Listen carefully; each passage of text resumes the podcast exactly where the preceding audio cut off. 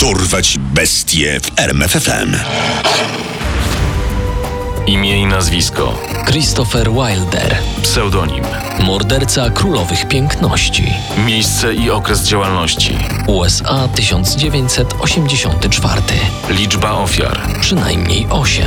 Skazany na Wilder nigdy nie stanął przed sądem za swoje zbrodnie. Christopher Wilder urodził się 13 marca 1945 roku w Australii. Jego ojciec był stacjonującym w Australii oficerem amerykańskiej marynarki, a matka rodowitą mieszkanką Australii. Już w trakcie porodu pojawiły się komplikacje i mało brakowało, a malutki Wilder urodziłby się martwy. Według jego własnych opowieści, już dwa lata później znowu otarł się o śmierć. Tym razem, pływając na basenie, niemal utonął.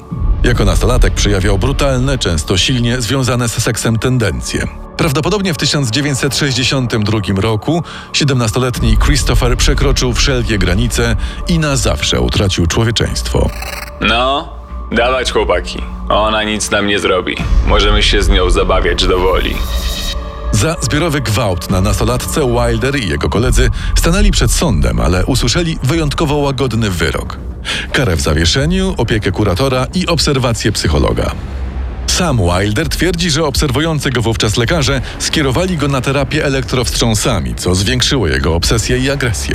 Jednak Duncan McNabb, dziennikarz i autor biografii Wildera Snapshot Killer, rozprawia się z tą historią bezlitośnie. To bójda. Nie ma żadnych dowodów na to, że był uleczony elektrowstrząsami. Tak jak nie ma dowodów na to, że prawie utonął w basenie, gdy miał dwa lata.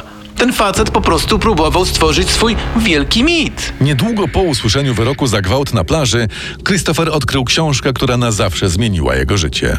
Książką tą był kolekcjoner Johna Fowlesa, opowiadający historię młodego mężczyzny, urzędnika, który uprowadza kobietę, w której się zakochał i więzi ją w piwnicy aż do jej śmierci. Wilder był absolutnie oczarowany powieścią. Ta książka jest niesamowita. Wracam do niej co chwila i nie mogę się oderwać. Jak tylko kończę, to zaczynam od nowa. W 1968 roku rodzice Christophera wreszcie odetchnęli z ulgą, licząc na odrobinę normalności. Wszystko dlatego, że ich syn się ożenił. Myśleli, że wreszcie się uspokoi, ustatkuje i skończy z dziwnymi obsesjami. Żona jednak opuściła Wildera po tygodniu małżeństwa. Po porażce małżeństwa postanowił poszukać szczęścia gdzie indziej. Dlatego przeprowadził się do ojczyzny ojca, Stanów Zjednoczonych. Zamieszkał w Boynton Beach na Florydzie. Zajął się pośrednictwem w sprzedaży nieruchomości i dość szybko odniósł sukces. Kupił ogromny dom i mnóstwo drogiego sprzętu, gdyż postanowił się oddać swojej nowej pasji fotografii. Jednak sukces zawodowy i finansowy w nowym miejscu zamieszkania wcale nie załagodził brutalnych, seksualnych tendencji Christophera. Między 1971 a 75 rokiem kilkukrotnie stawał on przed sądem za różnorakie, mniejsze i większe wykroczenia seksualne. Mimo, że w wielu z tych spraw był uznawany winnym zarzucanych mu czynów, to za żaden z nich nie poszedł do więzienia. Nawet za najgorszy z nich kolejny gwałt. Hej mała, wiesz, że jesteś piękna? Ja jestem dosyć znanym fotografem. Mam kontakty w agencji modelingowej, mogę pomóc rozkręcić twoją karierę. Co ty na to? Ufna młoda kobieta poszła za Christopherem do jego samochodu, gdzie przeżyła największy koszmar swojego życia. Ten nowy sposób wabienia ofiar spodobał się Wilderowi tak bardzo, że korzystał z niego do końca swojej przestępczej kariery. W 1982 roku Wilder znowu wpadł w kłopoty z wymiarem sprawiedliwości, tym razem australijskim. Podczas dłuższych odwiedzin u rodziców Christopher spotkał dwie 15-letnie dziewczyny, które namówił na sesję fotograficzną, która to tylko z początku młodym kobietom wydawała się niewinna. Teraz się rozbierzcie, wy małe dziwki, i lepiej, żebym nie musiał tego powtarzać. Dziewczynom na szczęście udało się uniknąć najgorszego i gdy tylko dotarły do domu, opowiedziały o wszystkim rodzicom. Policja zatrzymała Wildera, ale rodzice wpłacili za niego kaucję. Co więcej, otrzymał on pozwolenie na powrót na Florydę do czasu rozpoczęcia procesu, który to wyznaczono na kwiecień 1984 roku. To właśnie w tym roku, tuż przed procesem w Australii, Wilder rozpoczął swoje mordercze tournée. Pierwszą jego ofiarą była prawdopodobnie Rosario Gonzalez. Modelkę widziano po raz ostatni w pracy podczas Grand Prix Miami 26 lutego. Już 5 marca zaginęła kolejna kobieta. Tym razem była to dziewczyna Wildera, finalistka konkursu Miss Florida Elizabeth Kenyon. Żadna z nich nie odnalazła się do tej pory. Policji i prywatnym detektywom wynajętym przez rodziców Kenyon udało się ustalić powiązanie Christophera Wildera ze sprawą. Dlatego też mężczyzna niewiele myśląc postanowił zbiec. Jednak podczas ucieczki nie zamierzał zrezygnować z pasji, którą dopiero co odkrył. 18 marca w centrum handlowym w Satellite Beach spotkał 21-letnią Terry Ferguson. Podobnie jak w przypadku wcześniejszych przestępstw, Wilder zwabił ją obietnicami kariery. Następnie zamordował, a ciało porzucił w Canaveral Groves, gdzie znaleziono je 23 marca. W dwa dni od uprowadzenia Terry miał już kolejną ofiarę. Tym razem była nią dziewiętnastolatka, która odmówiła jego ofercie darmowej sesji. Rozjuszony Wilder zaatakował ją, pobił do nieprzytomności, potem związał jej ręce, zawinął w koc i wrzucił do bagażnika. Następnie uprowadził do motelu w Bainbridge w Georgii. Tej samej nocy przystąpił do wymyślnych tortur. Najpierw zgwałcił dziewczynę, potem wylał klej na oczy, tak aby skleić powieki, a następnie raził prądem po stopach. Przemocząca się kobieta próbowała uciec i wołać pomocy. Pomocy! Ratunku! On mnie zabije! Niech, niech mi ktoś pomoże! Zamknij się, suko, bo nie przeżyjesz.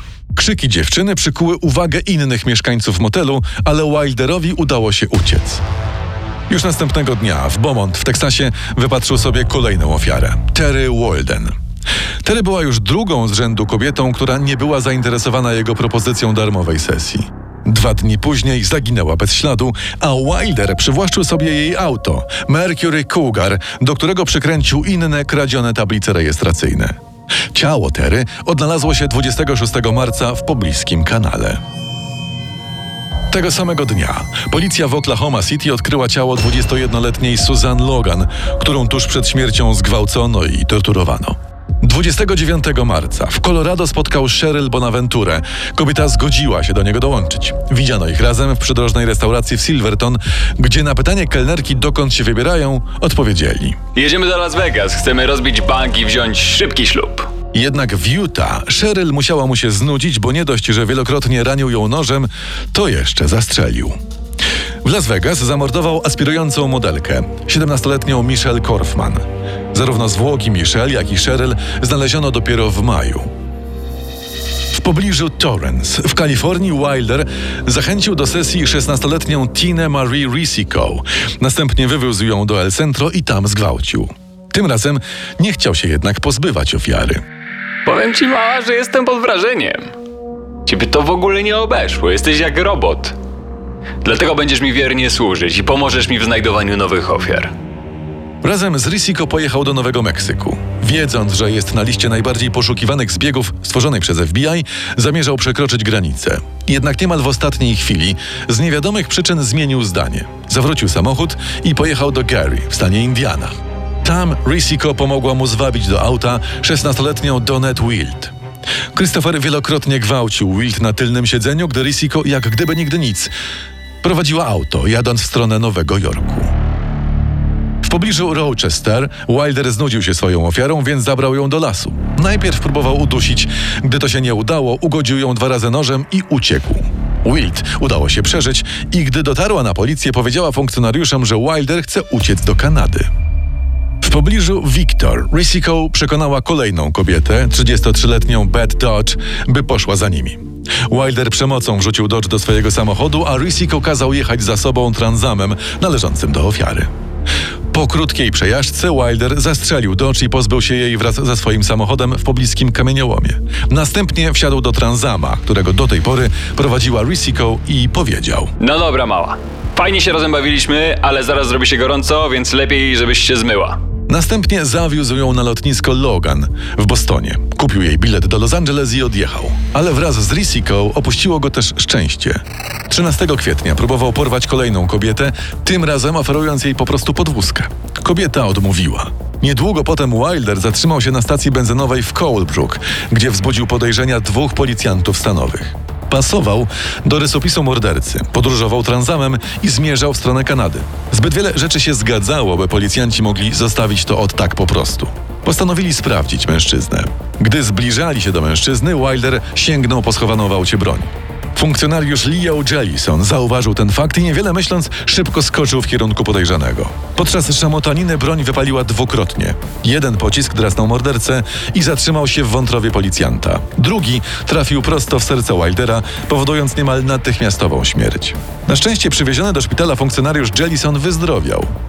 Wilder zostawił po sobie warty niemal 2 miliony dolarów majątek. Jego zwłoki skremowano na Florydzie, a po jego śmierci z mniejszym i większym sukcesem łączono go ze sprawami kolejnych zaginionych kobiet na trasie, którą przebył od lutego do kwietnia.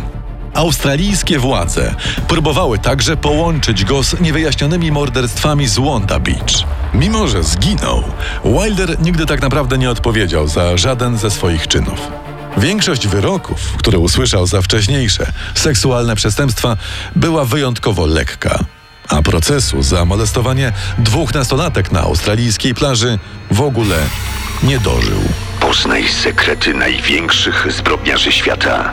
Dorwać bestie w RMFFM. Teraz się rozbierzcie do małe dziwki. Lepiej, żebym nie musiał tego powtarzać.